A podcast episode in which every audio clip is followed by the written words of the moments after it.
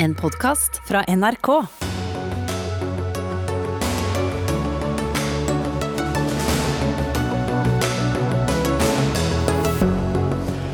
Oljefondet tjente nesten like mye på et halvår som de tjente i løpet av hele fjoråret. Men advarer også om at gode tider fort kan bli dårligere.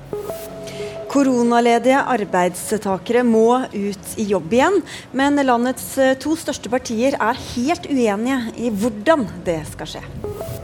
En Facebook-side full av falske nyheter og sjikane var det som avgjorde lokalvalget i Kristiansand for to år siden, konkluderer en ny bok. Vi ville bare ha forandring, og fikk det til, svarer mannen som driver nettsiden. Og to gjester som ikke engang er i nærheten av å være nøytrale, skal få oppsummere valgkampen så langt. Og det skjer altså her i Arendal, hvor vi har Dagsnytt 18 fra for tredje og siste dag på rad. Programledere er Sigrid Solund og Espen Aas, og planen er å holde oss flytende her frem til klokken 19. Vi skal starte med tall av den store uh, sorten. For uh, til tross for et veldig usikkert halvår preget av pandemi og internasjonal uro, ja, så tjente oljefondet, eller Statens pensjonsfond utland, som politikerne har bestemt at det skal uh, hete, nesten like mye fra januar til juni som de tjente i hele fjor. Nesten 1000 milliarder kroner. Det ble fortalt på en pressekonferanse her i Arendal tidligere i dag. Og Trond Grande, nestleder i oljefondet, som vi sier for å gjøre det enkelt. 9,4% Det var altså avkastningen på seks måneder. Særlig takket være at dere traff godt i, i aksjemarkedet. Med så mye uro, hvordan ble det så mye penger ut av det? Var det flaks? Ja, det er, det er, vel ikke først og fremst flaks vi tenker på. Så dette er en langsiktig investeringsstrategi eh, hvor 70% av fondet er investert globalt i eh, aksjer. 9000 selskaper. Uh, og, det, og, det, er det viktigste bidraget til den avkastningen du nettopp refererte, på nesten 1000 milliarder i første halvår. Mm. Uh, og Det som var uh, spesielt i dette halvåret, er at alle sektorer, altså alt fra energisektoren til finanssektoren til teknologisektoren, ga positiv avkastning for fondet, og alle markeder. Så hva er det som ligger under da? Og Det er nok, sånn som vi ser det, en økt optimisme på at utrulling av vaksineprogrammer faktisk får en effekt, nemlig den effekten at økonomien kommer i gang igjen. Men din sjef eh, Nicolai Tangen eh, understreket også eh, på pressekonferansen oppe i veien her tidligere i dag at dette kan også fort snu. Og hva slags mørke skyer er det vi da kan, kan se? Nei, det er jo noe av det som er viktig for oss som jobber med fondet, å hele tiden se etter hva som kan gå galt. Det, vi har ingen krystallkule hvor vi vet akkurat hva det kan være og når det kommer. Det viktige å få fram er jo at vi har mange gode år bak oss i aksjemarkedet. Egentlig helt tilbake til finanskrisen. Eh, og nok et halvår nå i år. Og det vi prøver å si er at uh, ingenting vokser i himmelen. Uh, vi må være forberedt på at vi også kan få uh, store sving ned i aksjemarkedet, og da vil fondet falle i verdi. Mm. For mange um, som er tungt inne i aksjemarkedet, har jo advart i finanspressen nå i, i lengre tid om at den toppen, toppen, kan være nådd. Er det da også viktig for dere å, å si fra at dere må også forberedt på at vi har litt andre tall å komme med fremover? Ja, jeg tror nettopp Det altså, Det er veldig lett å si at man er en langsiktig investor, men det du sier er at du egentlig tåler kortsiktige svingninger. Og vi har egentlig ikke testet fondet ordentlig.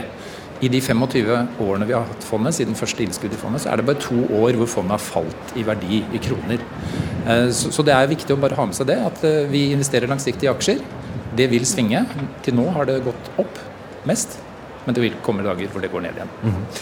Jeg skal snart slippe deg, men uh, Grunnen til at jeg nevnte det med flaks, uh, var jo at dere hadde jo faktisk litt flaks i uflaks også. For dere hadde investert noen kroner feil, og før dere fikk rettet opp, så hadde dere jammen klart å tjene ganske mye penger på det. Ja, det er, jo, det er jo sånn at det er et veldig stort maskineri. Vi opererer 24 timer i døgnet, syv dager i uken nærmest, på globale børser. Eh, I fjor hadde vi 36 millioner aksjetransaksjoner og handlet aksjer for en verdi større enn Oslo Børs til sammen. Og da er det sånn at uh, Veldig mange av disse transaksjonene de er automatisert, uh, og de går som regel helt uh, bra og uten at noen tar i det. Mens noen transaksjoner, noen situasjoner, så må vi ha mennesker som kan ta stilling til ting. Og Da kan det skje manuelle feil, som du gjorde i denne, dette tilfellet her. Det som er viktig da, er at vi Eh, registrerer disse hendelsene. Eh, vi prøver å forstå hvorfor de skjer, og hvordan vi kan sette inn tiltak for å unngå at de skjer. At det ble en gevinst er bare eh, selvfølgelig positivt, men, men det er tilfeldig. Det kommer jo andre nyheter på pressekonferansen i dag også. Karine Smith Ienasjo, du er direktør for eierskap og etterlevelse i oljefondet. Og dere kom med et nytt forventningsdokument til selskapene dere investerer i i dag. Hva ligger i det? Ja, Vi er jo veldig fornøyd med at vi i dag publiserte et nytt forventningsdokument om biologisk mangfold og økosystemer. Og Der stiller vi klare forventninger til de 9000 selskaper hvor vi er en eier, om hvordan de skal forvalte naturressurser. Og dette er viktig for oss som en finansiell investor. For det er slik at uh, Når vi ser på porteføljen vår, så er faktisk nesten 30% av selskapene vi har investert i, de er direkte avhengig av naturressurser for å kunne produsere sine varer. Og det er klart Hvis disse naturressursene ikke lenger er der, så kan det gå utover selskapenes verdiskapning, men da også selvfølgelig eh, til syvende og sist fondets avkastning. Og Det er derfor vi har kommet ut med disse forventningene i dag. Ja, for det, Dette er jo noe dere har selv tatt initiativ til. Men hva får det å si i praksis både for hvordan dere investerer og hvordan dere følger opp de selskapene dere har investert i? Ja, Først og fremst får det betydning for hvordan vi følger opp de selskapene vi har investert i. Vi vil nå eh, ha dialog med selskapene. Vi vil måle hvordan selskapene forvalter naturressursene. Og vi vil ta tak i de selskapene hvor vi mener at de ikke i tilstrekkelig grad hensyntar eh, naturressurser når det gjelder å sette strategi, når det gjelder risikohåndtering, måling og rapportering. Mm. Men vi kan også bruke dette i vår stemmegivning, der eh, det kommer forslag som har med biologisk mangfold å gjøre. Men vi må følge opp litt hvordan du sier dere skal ta tak i det. Det kom et annet forventningsdokument i 2009 som var knyttet til vannforvaltning. og Der sto det sitat, vi uttrykker forventninger, gjør analyser og har dialog med selskaper om vannforvaltning. Vi forventer at selskaper integrerer vannrisiko i strategiarbeid, risikohåndtering og rapportering. Og Tolv år etter så har olje oljefondet store eierdeler i selskaper som driver med fracking i USA, en energiproduksjon som i flere tilfeller har ødelagt grunnvannet fordi de presser store mengder giftige kjemikalier ned i bakken og bruker masse ferskt vann, som kan også være en begrenset ressurs. Hvordan er det i tråd med de forventningene dere kom med da i 2009? Det er helt riktig. Vi har et forventningsdokument på vannforvaltning, og særlig eh, hvor mye vann selskapene bruker i sin virksomhet, og, hvilken, og også om de forurenser grunnvann. Det er en viktig problemstilling. Dette er jo ett av nå åtte forventningsdokumenter vi har, som tar opp sentrale bærekraftstemaer. Men, men Hvordan harmonerer dette med de, de, de, disse investeringene? Da? Ja, og Når det gjelder eh, vannforvaltning spesielt, så er det noe vi har fulgt opp siden 2009. Og vi måler jevnlig eh, hvordan de selskapene i porteføljen er eksponert.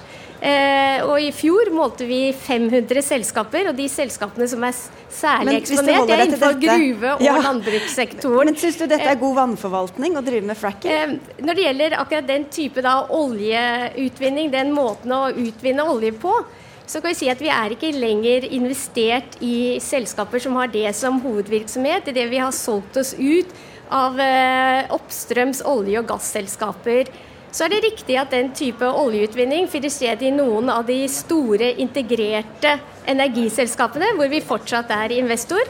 Men det er da en liten andel av det. Men de, men er, vi, de er, de største på i USA for eksempel, som driver med det? Men det vi det ser, og sett siden 2009, det er at det er forbedringer i hvordan selskapene har utvinnet uh, olje på den metoden. De er bedre til å resirkulere vann. Uh, de er bedre til å ta uh, ut kjemikalier av vannet, som gjør at det blir mindre forurensning. Og dette er jo også en veldig regulert industri. Men syns du at det er god vannforvaltning å drive med fracking? Som sagt så har vi da fulgt opp eh, akkurat denne eh, måten å ta ut vann på med, eh, eller ta opp olje på med selskapene. Og vi har sett forbedringer, men dette er jo en tematikk som vi vil eh, fortsette å ta opp med selskapene. Ja, hva har dere sagt da? Altså det vi sier det er, For det første så ber vi selskapene rapportere. Vi ber selskapene rapportere på sitt vannforbruk. men og det er jo ganske enkelt å rapportere på, men det som er vanskelig, det er å rapportere på i hvilken utstrekning eh, et selskap kan medvirke til å forgifte grunnvannet. Og vi har jobbet med at selskapene skal bli bedre og finne bedre metoder til å rapportere på dette. Og det er jo det første utgangspunktet. Vi må jo vite eh, hvordan selskapene gjør det i forhold til vannforvaltning. Og dette, du sa det var, var det ni sånne forventningsdokumenter? Vi har åtte. Åtte, åtte. Jeg la på et, jeg. Ja. Eh, vi skal snart slippe til politikerne her om eh, hva slags krav det skal være til disse investeringene. Hva er fordelene og ulempene ved å ha sånne krav?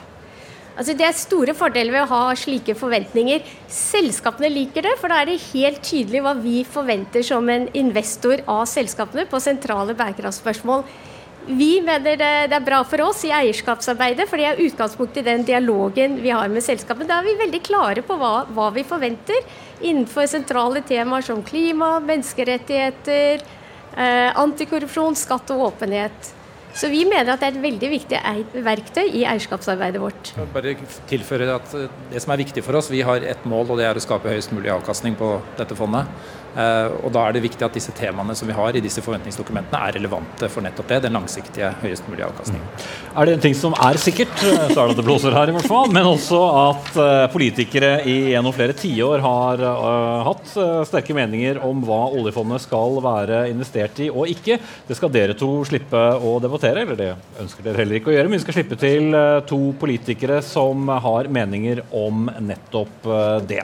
For eh, er Stortinget så godt fornøyd med hvordan oljefondet f.eks. bærer, eh, fremmer bærekraft eh, i de vel da 9000 selskapene rundt omkring i verden som eh, oljefondet er investert i? Torgeir Knag Fylkesnes, nestleder i SV. Dersom det skulle igjen bli et SV i Finansdepartementet, så har dere ganske klare planer for hva som skal skje. Det har vi absolutt. Eh, De etiske retningslinjene eh, som oljefondet nå er styrt over, eh, styrt under, det er jo det er et prosjekt som SV fikk gjennomslag i sin tid. Og disse forventningsdokumentene er en direkte oppfølging av det. Og det Men- må men jo dere få vil gå lenger? Ja, altså Hvis det viser seg at disse forventningsdokumentene faktisk ikke har særlig stor effekt, eller at det ikke føles skikkelig opp, at vi investerer i selskaper som driver frack, fracking, som har store naturødeleggelser, så må vi jo kartlegge det. Så Derfor vil vi eh, ta initiativ til en ordentlig gjennomgang av eh, porteføljer til eh, oljefondet, og se at de forventningene faktisk får en eh, konsekvens. Mm. Men er det ikke nettopp det både Etikkrådet og for så vidt da eh, Norges Bank selv gjør? Ja, Vi trenger å få den kontrollen fra Stortinget. Det er Stortinget som har vedtatt de etiske retningslinjene, pålagt eh, oljefondet det. Og det er naturlig når vi nå skal få en egen eh, stortingsmelding om oljefondet, at vi får også en gjennomgang av hele porteføljen, og se om det er en sammenheng mellom de idealene vi har for fondet, og det som faktisk gjennomføres. En gjennomgang, Ketil Solvik-Olsen, nestleder i Fremskrittspartiet. Hva sier du til det? Altså, Stortinget blir jo jevnlig orientert om hvordan oljefondet virker, og da blir jo lagt fram stortingsmeldinger eller proposisjoner med ulike jevnrom. Så, eh, mellomrom. så jeg, jeg forstår ikke helt hvorfor vi skal gjøre en enda eh, ny rapport på toppen av rapporter som allerede lages. Det er viktig at vi får en diskusjon på hvor er det vi vil, hvordan er det vi skal forvalte den enorme kapitalformuen vi har i utlandet. Og jeg, tror vi er helt enige om at etikk må være en del av det som ligger til grunn. Sånn at vi faktisk er med å finansiere ting som gjør verden bedre, og ikke ting som er, er forbudt kriminelt eller som er sterkt ødeleggende. Men vi må òg unngå at dette blir en nærmest sånn diskusjon der oljefondet må svinge kurs hver gang en politiker får et innfall og ikke liker om det er olje og gass, eller om det er vindmøller, eller om det er våpen eller sånne ting. Altså, det må være langsiktighet i dette. sånn at når vi investerer, så kan det være en langsiktig tankegang òg i oljefondet. Skal vi bruke eh, penger på å oppnå politiske mål, så bør ikke oljefondet bli politisk styrt. Da bør vi heller eh, ta det ut f.eks. i Norfund og andre, så vi kan direkte investere i fornybar energi i fattige land. Ja, for Fylkesnes, eh, Det er jo veldig klare regler. Man skal ikke investere f.eks. i våpen, kullkraft. Det er allerede på plass. Men du vil jo ha helt andre meninger om f.eks. en del energiselskaper enn det f.eks. partiet til Solvik-Olsen eh, skulle ha. Målet er jo best mulig avkastning, som det ble sagt rett før dere kom inn. Eh, Hvor mye skal man da blande seg politisk? Altså Det er jo vakkert som været være her å høre Frp omfavne de etiske retningslinjene som de så var militant imot når vi fikk de gjennomført. Nå er de med. Og det her er verdens største investeringsfond. Eh, Det må vi jo ikke glemme. Og hvordan vi forvalter dette, vil få store konsekvenser langt utover vår eget oljefond. Og vi ønsker å ta nye steg. Eh, og vi ønsker Gjøre det mer politisk? Eh, Det er politisk. De etiske Jo, retningslinjene jo, men er mer politisk. politisk. Altså, skal, skal oljefondet være en del av løsninga for å faktisk skape en bedre verden? For å faktisk eh, gjøre noe med klimaendringen? For å eh, sørge for at men, grunnleggende menneskerettigheter blir holdt i hevd? Osv. For, for oss i SV så er åpenbart svaret ja. Hvis ikke så driver vi jo med en politikk på utenriksfeltet som er stikk i strid med det som oljefondet investerer i. Sånn at Det må være en sammenheng med de idealene vi roper høyt om i fine taler, og det, hva vi investerer i utlandet. Okay, Solvik-Olsen. For det første, Fremskrittspartiet er veldig sjelden militant imot noen ting. Vi pleier som regel å omfavne demokrati og fredelige løsninger. Det er vel mer på SV-sida når en ønsker militante revolusjoner og lignende. Selv om jeg ikke tror dere er der. La oss holde oss til oljefondet. Når det, Sånn når, ja, ikke sant. Poenget ja, altså Etiske retningslinjer er viktig, men, eh, og, det er vi òg for. altså Det som vi har vært skeptiske til, det er jo med en gang en skal begynne å drive masse partipolitikk oppi dette. For da blir det fort mye surr, mye uklarhet og mye endring underveis. Og jeg tror jo f.eks. bare det å diskutere kjernekraft Ville vi synes det er greit at oljefondet investerer i kjernekraft eller ikke? Selv i miljøbevegelsen så er noen for, noen imot. Og det er liksom sånn, Hvis det skal være ting som en endrer avhengig av hvem som akkurat der klarer å få gjennom et forslag i Stortinget, så er det fryktelig vanskelig å sitte og gjøre en langsiktig investering for oljefondet. Men Altså, er du enig i at dere har endra mening? At dere var mer imot disse retningslinjene? vi er imot hvis det blir mye symbolpolitikk, mye politisk måte, inngrep og styring. Men Stemte dere for eller mot at det skulle komme? Vi var kritiske til det fordi at vi så hvordan SV argumenterte for det. Men vi har jo sittet med en finansminister og administrert og klart å sørge for at dette Så nå syns dere det fungerer likevel? Ja, fordi Det handler jo litt om hvor langt drar du det. og Det jeg frykter med, med når SV begynner å snakke om dette, det er at du får mye synsing. Hvis vi klarer å ha måte, en forutsigbar greie på det oljefondet, eh, så tror jeg det er bra. Og så har Fremskrittspartiet lenge argumentert for at litt av oljefondet bør gjerne investeres på en annen måte. Nettopp f.eks. å gå inn og ta risiko på å bygge ut fornybar energi i fattige land. Det har vi sett at Norfund har gjort. Av og til med kjempesuksess, andre ganger mindre. Men det er jo måten vi virkelig kan bidra til å utvikle verden. Ikke nødvendigvis investere alt gjennom fond og aksjer på børsene. Hvor skal disse grensene gå, da, Fylkesnes, som Solvik-Olsen var inne på? Kjernekraft f.eks., eller legemiddelindustrien som dere kjefter på, eller regimer dere ikke liker? Er her er jo veldig enkelt. Eh, Norge har skrevet under på en klimaavtale. Norge har skrevet under på grunnleggende menneskerettigheter på en serie konvensjoner. Vi har skrevet under på ILO-konvensjonen osv. osv. Spørsmålet om vi vil ta konsekvensen av det.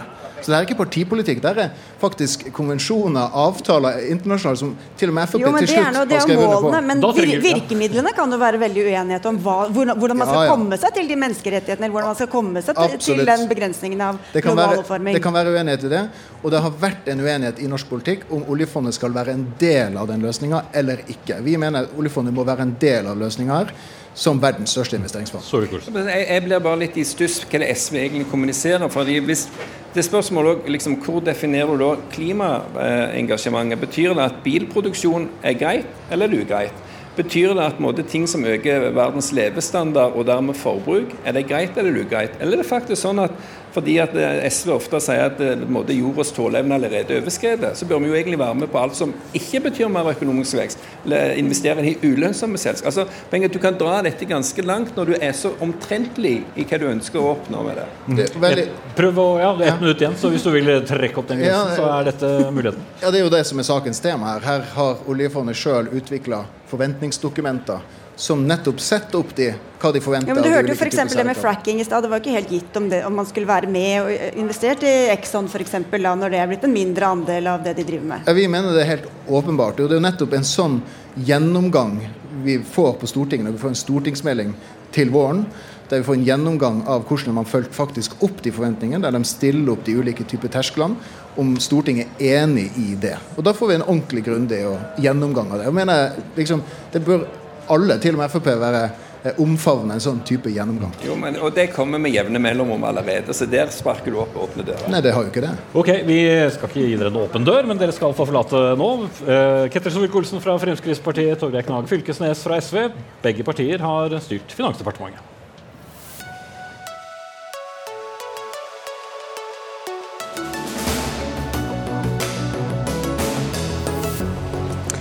Hvis jeg sier 10 000, Espen Så sier jeg at det er så mange færre arbeidsplasser vi har fått i norsk industri siden 2015. Og så selger vi færre varer og tjenester til andre land. Det overskuddet har falt med 400 milliarder kroner de siste åtte årene. Så hvor er det blitt av den store omstillingen av næringslivet som Erna Solberg lovet, spør du Hadia Tajik, du er nestleder i Arbeiderpartiet. Hva er svaret? Nei, De gikk jo til valg på at de skulle gjøre Norge mindre avhengig av olja. Men når vi ser på tallene, så ser vi at vi har blitt eh, mer avhengig av eh, olje- og gassindustrien, ikke mindre. De har rett og slett ikke klart å stable på beina nye grønne industrier med en kraft som har betydning for verdiskapingen til landet, eller for industriarbeidsplasser. For vi har, som dere påpeker, mista 10 000 sysselsatte i industrien siden 2015. Og vi ser òg at handelsoverskuddet har gått ned med nesten 400 milliarder kroner fra 2013. Så Norge er rett og slett si, vanskeligere stilt i dag enn det vi var i 2013 på det å skape verdier eh, knytta til nye fornybare industrier. Og det er dumt på flere måter, men aller mest fordi vi både må klare å kutte klimautslipp og skape arbeidsplasser. Og vi har ganske dårlig tid nå. Altså nå får vi sikkert ganske andre tall og talepunkter veldig snart. Hvor objektiv beskrivelse og, og hvor helhetlig er det bildet du tegner egentlig her? Ja, Det er dessverre eh, nøkterne tall og nøkterne fakta som eh, her legges på bordet. Det er jo ikke tall som Arbeiderpartiet har konstruert. Det er jo den objektive sannheten om hva som er situasjonen for norsk eh, fastlandsindustri i dag. Og Regjeringa sa jo at dette var noe av det aller viktigste for deg. Men etter at Erna Solberg har sittet i regjering i åtte år, så har de altså ikke klart å få til det som skal til. Ok, Men arbeids- og sosialminister Torbjørn Røe Isaksen fra Høyre, ville du brukt akkurat de tallene? Nei, eh, det er riktig at tallene er ikke feil, men de viser jo bare en bitte liten brøkdel av bildet. Da. Vi har jo tapt mye flere arbeidsplasser enn 10 000 i olje og gass.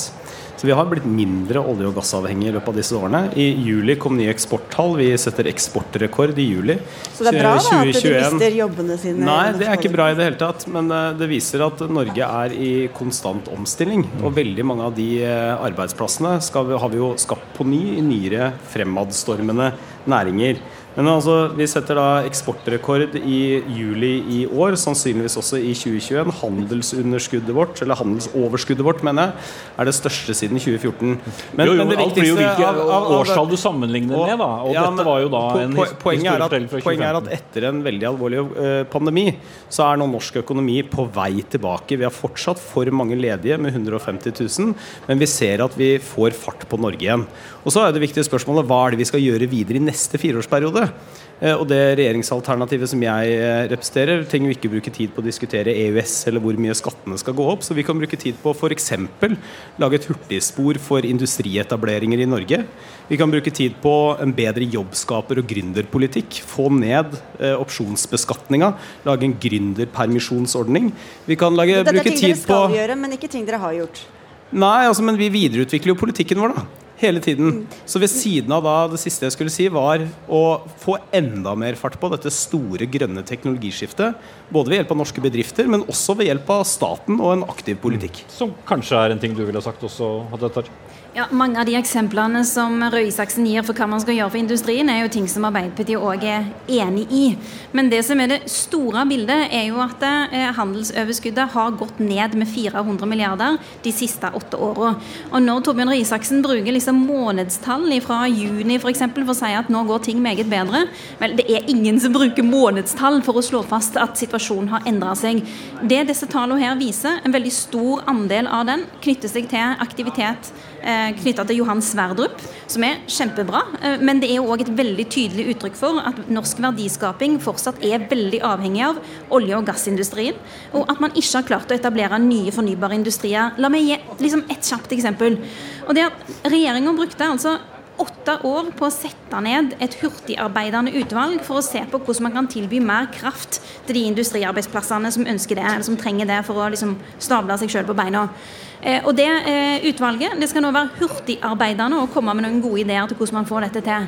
Men de kunne satt ned det utvalget for åtte år siden, og det utvalget kunne jobbe skikkelig skikkelig langsomt. Og da ville vi fortsatt hatt mye bedre, et mye bedre utgangspunkt i dag enn det vi har for at industriarbeidsplassene skal kunne vokse okay. og stå. Men, men, kan jeg bare spørre, vi, Det er jo i og for seg riktig, man kan, kunne alltid gjort ting enda litt før, men hvis vi kunne satt ned for åtte år siden, så kunne vel dere også satt ned for ni år siden?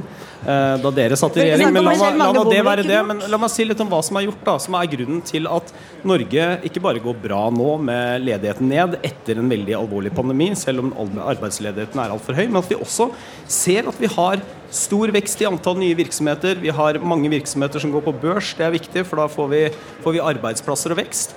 Vi har satsa massivt på forskning og utvikling i løpet av denne perioden. Mange husker sikkert det rød-grønne hvileskjæret. Det er nå forbi. Vi satser tungt på det.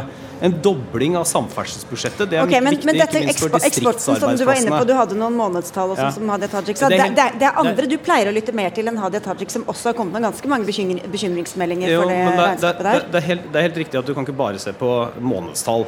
Men hvis du ser på projisert eh, eksportvekst eh, og eksport for Norge i 2021, så tyder mye på at det også kommer til å bli et rekordår etter en veldig alvorlig pandemi.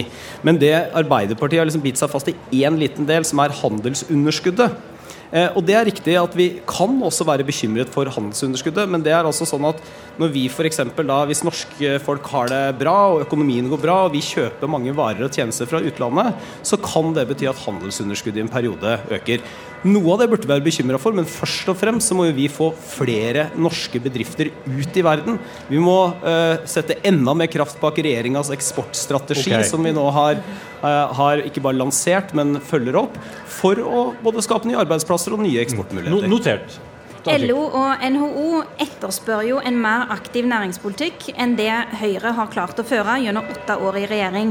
Altså LO og NHO har jo lagt fram en felles eh, energi- og industriplattform der de sier veldig tydelig at staten må ta en større rolle enn i dag. Det mener òg Arbeiderpartiet. Altså for så ser vi jo at nesten ti industriprosjekter i bergensområdet de har bare måttet legge vekk arbeidet sitt fordi de ikke har kunnet fått garantier om å få tilgang til et strømnett som klarer å bære deres industriprosjekter. Det er satsinger knytta til batteri, det er satsinger knytta til hydrogen. Og Torbjørn Røe Isaksen og Høyre kan ikke snakke seg vekk ifra at de har ansvaret for resultatene etter denne regjeringa. Og de har ansvaret for at store industriprosjekter enten må legges på is, utsettes eller aldri blir noe av. eller håper seg enda verre. At de heller flytter ut til et annet europeisk land i stedet for å skape arbeidsplasser i Norge. Men, men fordi litt... de ikke har sikra de tilgang til ren, billig norsk kraft. Ja, men litt framover også. fordi det, Noe av uenigheten her ligger jo på også hvor mye staten skal blande seg inn i, i næringspolitikken og peke på næringer f.eks. Hvorfor er staten bedre egnet til å gjøre det enn næringslivet selv? Staten kan si noe, om de store prioriteringene. Og Norge, som er et land som er rikt på naturressurser, eh, burde ha en stat som var mye mer aktiv i å si at la oss bruke de naturressursene til å skape arbeidsplasser. Samme gjelder de kompetansemiljøene som har bygd opp gjennom mange tiår. Et eksempel på det er at vi burde bruke offentlige anskaffelser til å sikre aktivitet f.eks. på norske verft. Og jeg må si at jeg blir veldig urolig over at eh, når Havforskningsinstituttets nye skip skulle bygges, så klarer altså høyreregjeringa å putte oss i en situasjon der det skipet blir bygd i Nederland, i stedet for at man bruker den kompetansen som finnes på norske verft til å bygge den. Det er noe som Arbeiderpartiet ville sikre. Um, jeg har i flere år nå hørt Arbeiderpartiets retorikk på dette området, men jeg har fortsatt ikke kommet ett eneste steg nærmere hva det er de faktisk mener altså helt umulig å destillere den ned. annet enn at Jeg skjønner at de vil ha mer stat. Eh, Arbeiderpartiet har jo veldig mange løsninger for hvordan staten skal gjøre mer. Og jeg mener at staten må gjøre mye, ikke minst i det grønne skiftet. Det er derfor vi investerer milliarder i karbonfangst, lagring, Hywind Tampen etc. Men, men de har jo ingen løsninger for hvordan de som faktisk skaper jobbene, og bedriftene hvor folk faktisk har arbeidsplassene sine, skal vokse. Eh, der har de snarere en pakke som byr på Hvis man legger programmene til alle opposisjonspartiene oppå hverandre, så er jo det et, et marerittscenario.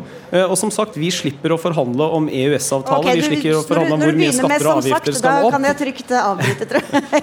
og det må vi nesten, fordi ja, vi, vår tid er ikke ute, men vi har flere ting på programmet. Ja. Og vi satte i hvert fall ny lokal rekord i å få sagt åtte år. Det skal ingen uh, ta fra dere. Torbjørn Isaksen fra Høyre Høyre, Hadia Tajik fra Arbeiderpartiet. Senere i sendingen så møter du to svært lite politisk nøytrale personer. Hun forlater politikken, han forsøker å komme inn i den igjen. Og de kommer til å dele sine tanker om eh, årets valgkamp. Men nå skal vi eh, hit til eh, Sørlandet. For eh, kan falske nyheter og sjikane påvirke et valg? Vel, det skjedde i Kristiansand, ifølge en ny bok. I forkant av forrige kommunevalg så opprettet milliardær Einar Øgreid Bransdal Facebook-siden Sørlandsnyhetene. Her kunne og kan fortsatt følgerne lese en mengde negative innlegg om politikere og om politiske saker. Og i valget ja, så gjorde Demokratene og nye Folkelista et brakvalg i Kristiansand. Melissa Lesamana, du er tidligere SV-politiker i Kristiansand og en av forfatterne av denne boken vi viser til. da, 'Et valg til salg', som du skrev sammen med Ap-politiker Eirik Daasøl Langeland. Og, dere skriver da at dere mener dette valgresultatet ikke var tilfeldig eller resultat av noe valgkamp, men rett og slett av en Facebook-side. Hvordan mener dere at den siden kunne få så mye å si for utfallet? Når man oppretter en Facebook-side uten en, eh, en redaktør, anonyme innlegg, man bruker en type retorikk som eh, overgår eh, hets og sjikane som en vanligvis ser i nasjonale kommentarfelt i de redaksjonelle innleggene. Gjør det om til en propagandakanal for demokratene. Har demokratene kandidater som skriver anonymt for kanalen. Det blir sponsa av milliardæren, og alle motstemmer utestenges. Ja, da rigger man et valg. Mm. Men denne Facebook-siden er jo ikke i noe medievakuum. Dere har lokal presse og, og, og, og kringkasting, og selvfølgelig partiers Facebook-sider osv. Kan du da nevne enkelteksempler som du mener har vært viktige? Um, det begynte med at det ble sådd frø om at uh, politikerne i Kristiansand var korrupte, at det var kameraderi, at uh, de fleste store saker var behandla på bakrommet. Uh, det var så grove løgner at man nesten må tro på det. Og det var årsaken til at folk begynte å følge. Nils Nilsen, du er bystyrerepresentant for Demokratene, og ifølge deg selv har du skrevet 90% av det som står på Facebook-siden Sørlandsnyhetene, hvor du også er administrator. Sjikane, falske nyheter, hva, hva, er det du sier til det? Ja, nei, Jeg syns at uh, her uh, skyter de fra hofta, og de uh, tar munnen altfor full. Vi som har skrevet på Sørlandsnyhetene, vi har bedt om innsyn i offentlige dokumenter. Vi har politisk erfaring og politisk fartstid. Og vi har opplevd eh, politikken sånn som man var før Sørlandsnyhetene. Og da hadde man altså en by, en svært liten by, hvor svært mye foregikk på eh, korridorene, og hvor eh, eh ting ble avgjort på bakrommet før eh, politiske vedtak ble fatta. Men, men, kan du ikke bare ta tak i det som handler om, da, om, om, om påstander om mistenkeliggjøring og, og sjikane? Er du enig i at uh, det har vært beskrevet? Jeg kan forstå de som opplever det som eh, sjikane, for så vidt også, men ikke i det som ligger i Sørlandsnyhetenes formidling. Men at kommentarfeltene i Sørlandsnyhetene har vært støtende for mange, det tror jeg. Men, men er alt det dere skriver sant, dokumenterbart? Ja, det vil jeg absolutt si. Så når dere sier at eh, det er kameraderi eller korrupsjon, da, da har dere dokumentasjon på det? Vi mener å kunne dokumentere at det er kameraderi som ligger til grunn når verv, stillinger, midler, tjenester osv. Eh, gjøres gjennom politisk behandling. Ja. Mener å kunne dokumentere, eller har dere dokumentert det? I noen tilfeller har vi også dokumentert det. I noen tilfeller, ja. Som hva da? Det ønsker jeg å vite. Ja, Det kan du gjerne få vite. Det er et eh, avsnitt du virkelig har glemt i din bok. Og det er den gangen som Dovre Consulting måtte trekke seg fra et anbud fordi vi avslørte nære forbindelser til eh, de som ga bort det anbudet. Hele prosessen ble tatt på nytt, men dere har ikke skrevet et ord om om det. Vi går ikke inn i den saken her. Vi, bare, vi, vi har uh, snakket med MDG-politiker Mira Svartnes Thorsen i Kristiansand. Hun uh, har foretatt en telling, fant ordet korrupsjon, da, som vi var inne på, 24 ganger i år på deres side. Ordfører Jan Oddvar Skisland kalles despot to ganger. Andre politikere er frekke, løgnaktige, tyver, kriminelle. Dette er sanne, dokumenterbare påstander? Ja, tyver og kriminelle det er vel egentlig Mira Svarten Thorsnes sjøl som har eh, stått for. Men eh, det er riktig at eh, han nok har skrevet to ganger at ordføreren eh, oppfører seg despotisk. Og det er fordi at han eh, også etter påtale fra Sivilombudsmannen knebler ordskiftet. Og det mener jeg er despotisk.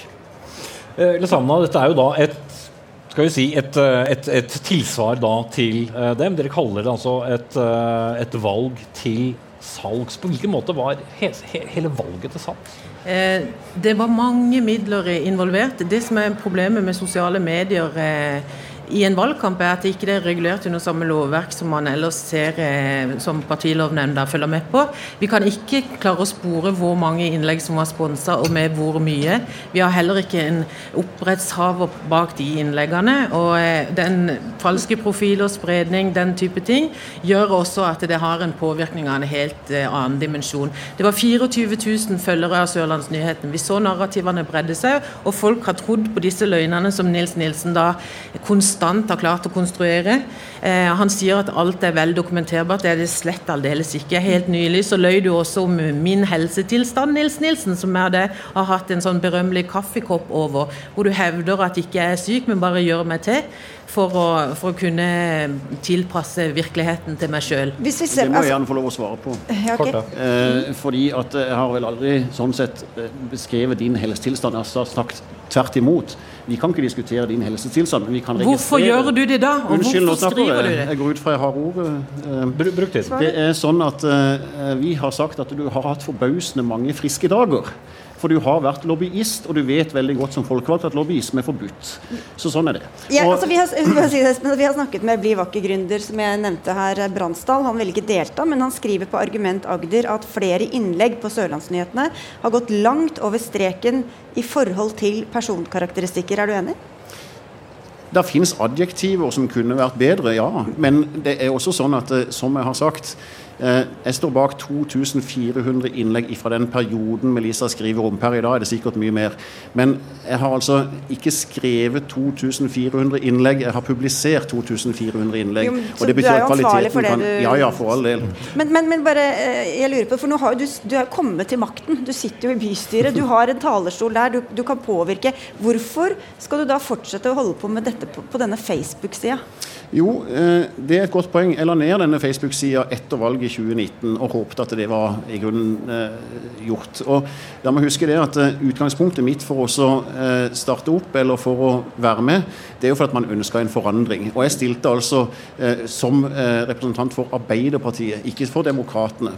Så har de i ettertid ment at dette er demokratenes verk, men det er det slettes ikke. Og det eh, gjenstår også for dere å dokumentere. Men du mener altså åpenbart at man trenger fortsatt å bruke denne Facebook-siden i tillegg til de normale eh, demokratiske kanalene, som da jo er lokalpolitikken? Ja, i stor grad så føler jeg det. Fordi at vi har en eh, avis som sitter i en monopolsituasjon nærmest. Og vi har eh, altså for lite pressedekning på det. Og det er et lite problem til, og det er at det, var viktig å få det opp igjen. Fordi at vi ønsker en forandring bort fra kameraderi og korrumperte Ok, det, det har du poengtert var mer poenget med at dere fortsatt driver den siden Ja. etter at dere har blitt valgt inn. Eh, Eivind Jøstad, sjefredaktør og administrerende direktør da i Federlandsvennen, som jeg antar fikk en slags introduksjon her. Mener du at eh, Sørlandsnyhetene var en viktig årsak til eh, at eh, så mange velgere gikk til nettopp Demokratene og tverrpolitisk folkeliste i 2019?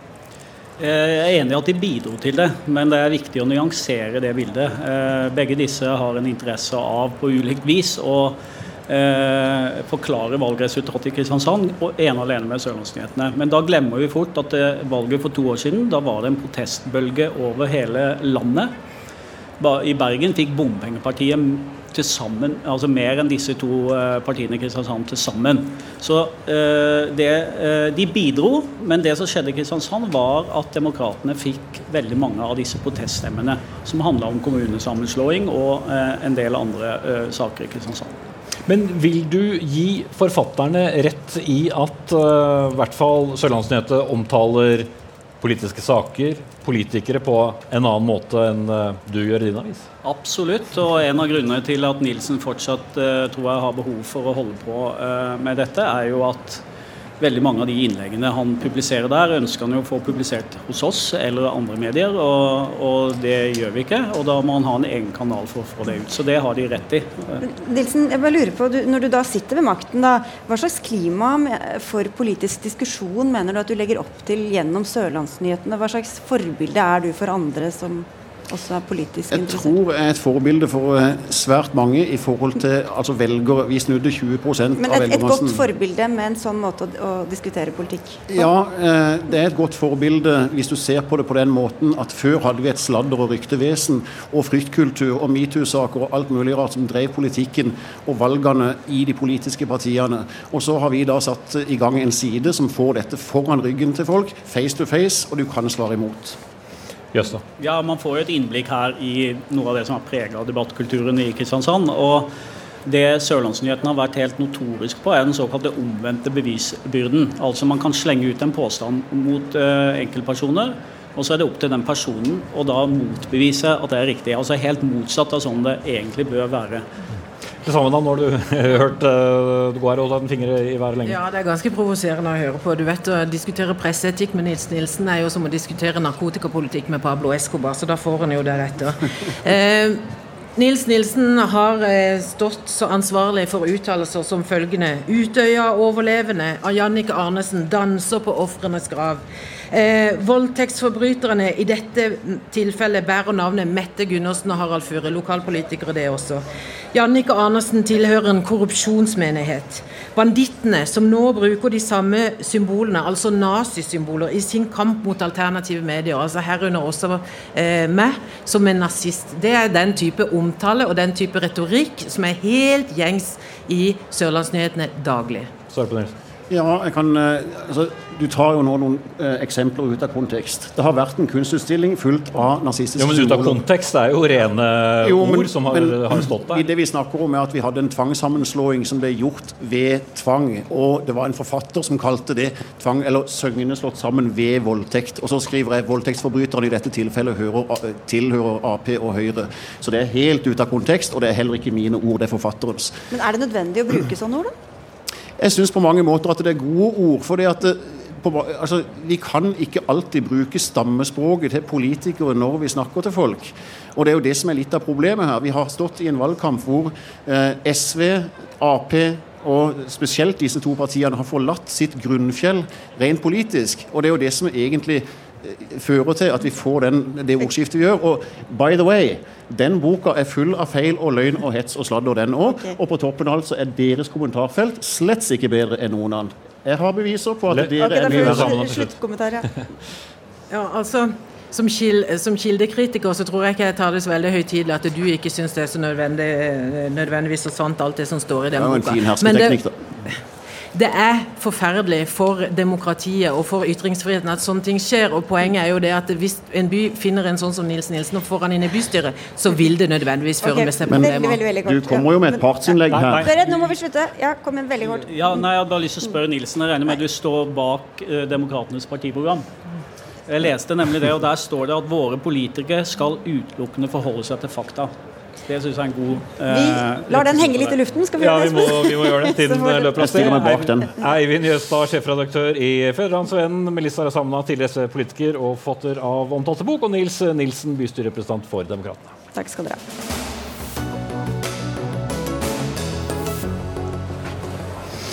Hvordan blir eh, familiene i landet påvirket dersom det blir en ny regjering etter valget? Ja, Det er neste tema i Dagsnytt 18. For KrF, som i dag styrer familiepolitikken, går nå ut og advarer mot det som kan komme hvis Arbeiderpartiet kommer til makten. Og partileder Kjell Ingolf eh, Ropstad, hva er det som er så ille ved Arbeiderpartiets politikk at du går ut og advarer mot den? Først og fremst så er det jo at de har liten tillit til familiene. Så når jeg studerer partiprogrammet deres, så lurer jeg på hva er visjonene for familiepolitikken i neste periode? Fordi alle ordningene som de snakker om, det er liksom det offentlige. Ikke vil de øke barnetrygden. Ikke vil de gjøre noe med engangsstønaden, som er støtten til gravide som ikke har vært i jobb. Tvert imot, det de har gjort i budsjettene, er å kutte den. Så er de veldig tydelige på én ting, de vil jo kutte kontantstøtten, så den skal jo rett vekk. Valgfriheten Der har de vel et godt selskap av andre partier? har de ikke det? Ja, og Derfor er KrF så viktig. Eh, og Det siste som jeg frustrerer meg over, det er jo at foreldrepermisjonen den skal bare være så rigid som mulig. Det er ikke Er tillit ikke til at samme foreldrene vet permisjon som dere har i dag, egentlig? Jo, jeg er jo sterkt imot den. KrF Du er redd for at Arbeiderpartiet skal komme og føre den politikken som du fører i dag? Jo, men, men her, nå snakker jeg om kontantstøtta, ikke sant? som gir valgfrihet. Muligheten til å velge mellom trygge, gode barnehager eller kontantstøtte noen få måneder av livet. Eller da altså engangsstøtten og alle disse andre ordningene. Så det er jo direkte usosiale kutt av Arbeiderpartiet. Men foreldrepermisjon det er en av de saker de faktisk har fått mest tilbakemeldinger på som barne- og familieminister.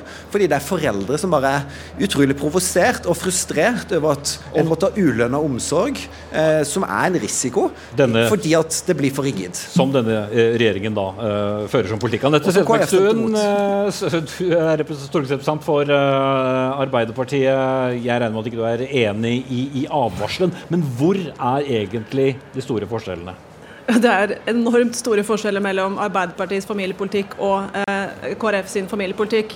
Og jeg syns det er litt underlig at, eh, at Ropstad KrF i ren desperasjon fortsetter å snakke om hvor ille Arbeiderpartiet er, når de ligger og eh, vaker ved sperregrensa nettopp fordi at veldig, veldig, veldig få vil ha deres egen familiepolitikk. De har en, en Flertallet vil jo Nei. ha kontantstøtte, da. Nei, eh, kontantstøtten har eh, færre og færre tilhengere. Det fins ingen annen eh, velferdsordning i Norge med dårlig, dårlig, dårligere oppslutning enn det. Færre og færre bruker den. Det folk ønsker, er å få livene sine til å gå bedre rundt. At tidsklemma blir litt mindre presserende. Vi har sett de siste åtte åra med Ropstad ved styret at vanlige barnefamilier har fått mindre å rutte med. De betaler mer for barnehageplassen, mer for SFO. Barnehagekøene er blitt lenger. Det Så da gjør dere følgende da, ja. det, det vi gjør da, er å si at vi tar, kutter kontantstøtten, får folk i jobb. Vi innfører eh, gratis SFO for alle førsteklassinger. Vi kutter barnehageprisene, og vi får til full barnehageutbygging. Poenget med vår familiepolitikk er at det skal være mulig for både far og mor å ha familie og jobbe. Med KrF sin eh, gammeldagse linje så skal mor helst være hjemme lengst mulig, og barna skal eh, måtte, måtte være hjemme fra barnehagen. Det går vi ikke med på. Det, det er moderne familiepolitikk å ha tillit for for foreldrene, og at familiene skal velge. Det er ikke riktig som Trettebergstuen sier. Det var nettopp en meningsmåling eh, der flertallet sa at de ønsker å ta vare på kontantstøtten. Jo, men hvis det er bare den ligge, Der er det jo et politisk flertall i Stortinget. altså Dere er ganske alene om akkurat den. Men, Ja, det det, er, det, men det, gjelder, jo, jo, men det gjelder så få barn. Men vi skal tenke på da barnefamiliene i et større bilde. Hva er det da som ellers eh, gjør deg så bekymret med, med Arbeiderpartiet? Som jo sier at de, de vil gjøre det lettere. De vil eh, også komme til skolemat, SFO. Det er vel også Altså, ting du er enig i? Jeg støtter deg i det som gjelder på utbygging av barnehage. fordi Den reelle valgfriheten handler jo om å bygge, fortsette å få flere barnehageplasser, trygge, gode, flere pedagoger, flere voksne. Det, det tror jeg alle vi foreldre er opptatt av. Eh, men, men når vi har gjort en justering i prisene, så er det jo handla om at vi har målretta det. sånn at faktisk, Anette, så er det jo sånn at jeg tror det er 45 000 barn som er gratis barnehage. De som har minst råd, de som trenger det mest, de får Men- gratis, men mens vi andre betaler bitte grann mer. Et øyeblikk. Røpstad, du blir beskyldt for at dere vil at mødrene skal gå hjem. Men det, det, la det ligge. Men hvis du ser på totaliteten i de forskjellige politikkendringene dere ønsker, hva tror du faktisk blir konsekvensen av dem? Altså, Hvem er det som kommer til å være mest hjemme med barna, og hvem er det som kommer til å være ute i arbeid? Ja, Det må jo familiene bestemme sjøl.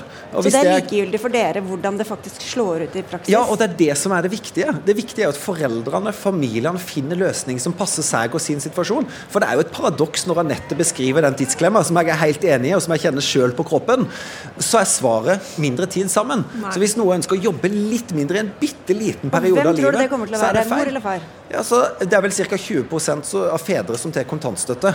Men om det er flere kvinner som velger å gjøre det fordi familien ønsker det, så handler det om at de finner løsninger som de syns er best. Og jeg fatter ikke hva som er galt med å ha tillit til foreldrene. Men tillit, vi har jo, vi har jo tillit til familiene. Vi vil legge til rette for at både mor og far kan velge å være i jobb og også ha omsorg for barn. Det er tvert imot dere som ikke vil la familiene Nei. velge selv. Vi gjør f.eks. ikke gå inn og styre om kvinner kan ta abort eller ikke. Så her snakker du mot, mot bedre vitende, Kyllingolf. Men poenget er følgende. Skal vi få gjort noe med de store strukturelle problemene vi har i dag, få ned barnefattigdommen, så er vi nødt til å få flere i arbeid. Kontantstøtta bidrar til men 4000 flere fattige jo, men det du, sier, det du sier nå, er at er kontantstøtten er et virkemiddel for å, at, for å forsørge familiene. Det er det ikke. Det, den har de i ett år. så Da vil du si at, at Da kommer de ut under fattigdomsgrensa etter ett år på kontantstøtte. Hva har du tenkt å gjøre med det? Språkopplæring, utdanning, arbeidsmarkedstiltak.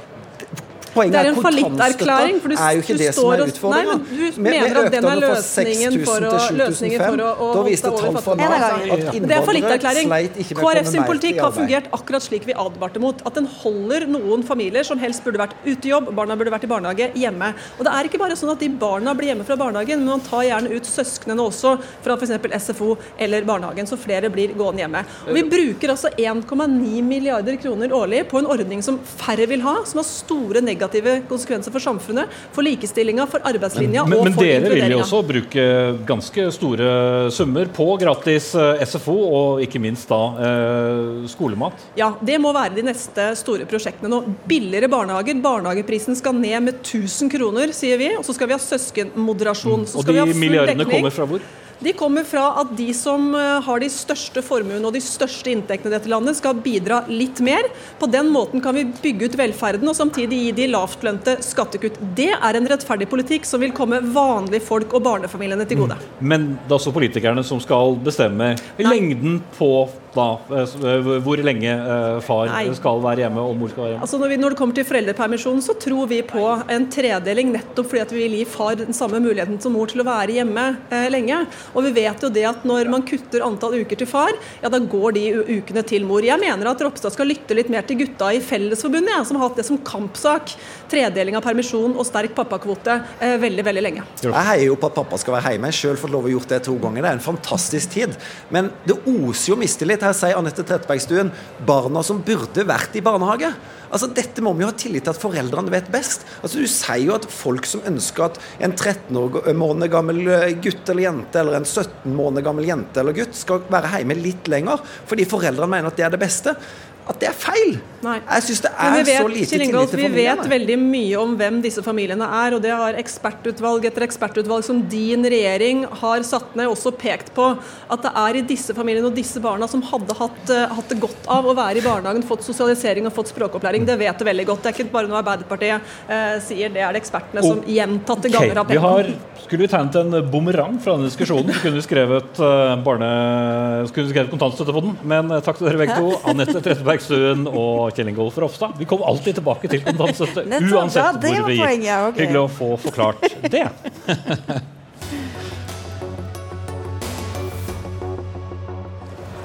Om 27 dager er det ingen vei tilbake. Da stemmer Norge sammen et nytt storting, og ut fra det dannes en ny regjering. De siste ukene har vi sett eh, statsministerkandidater og partiledere love mer enn de i alle fall har lovt på fire år. Og litt på siden av det hele finner vi våre to neste gjester. De finnes ikke politisk nøytrale eller objektive, men vi lar dem analysere litt likevel. Begge har vært eh, statsråder. Begge har eh, 20 år bak seg som eh, stortingsrepresentanter. Hun gir seg i politikken, og han prøver alt han kan å komme inn i den igjen. Velkommen Trine Skei Grande, avtroppende stortingsrepresentant for Venstre og tidligere leder, og Per Sandberg, tidligere Frp, nå stortingskandidat for Liberalistene. Trine Skei Grande, hva slags valgkamp er det vi har sett så langt? Nei, det er jo en valgkamp der det er mye diskusjon rundt regjeringsspørsmålet. Og der Blir det ikke hver gang, da? Jo, det gjør jo egentlig det, så det bør egentlig partiene være forberedt på. Men det er jo en stund siden vi har hatt så mange statsministerkandidater. Så det gir et ekstra preg. Og det er ingen som vet hvordan det vil slå ut på valgdagen. Per Sandberg, da jeg snakket med deg på telefonen tidligere i dag og spurte deg hva du syntes var mest overraskende ved valget, så var det ikke noen overraskelse? Nei, ingen overraskelse i det hele tatt. Foruten det at liberalistene har lagt fram et skattedokument som eh, vil legge retningen Men for vi eh, penser oss tilbake til Ja, ja, ja. politikken. Ja, ja, men, men altså, nei, ingen overraskelse i det hele tatt. Uh, for at, men uh, det er aldri vært så stor usikkerhet rundt hva velgerne vil ende opp med etter 13.9. Enten du ser til høyre eller venstre. i Ja, så Ingen vet sentrum, høyre, venstre.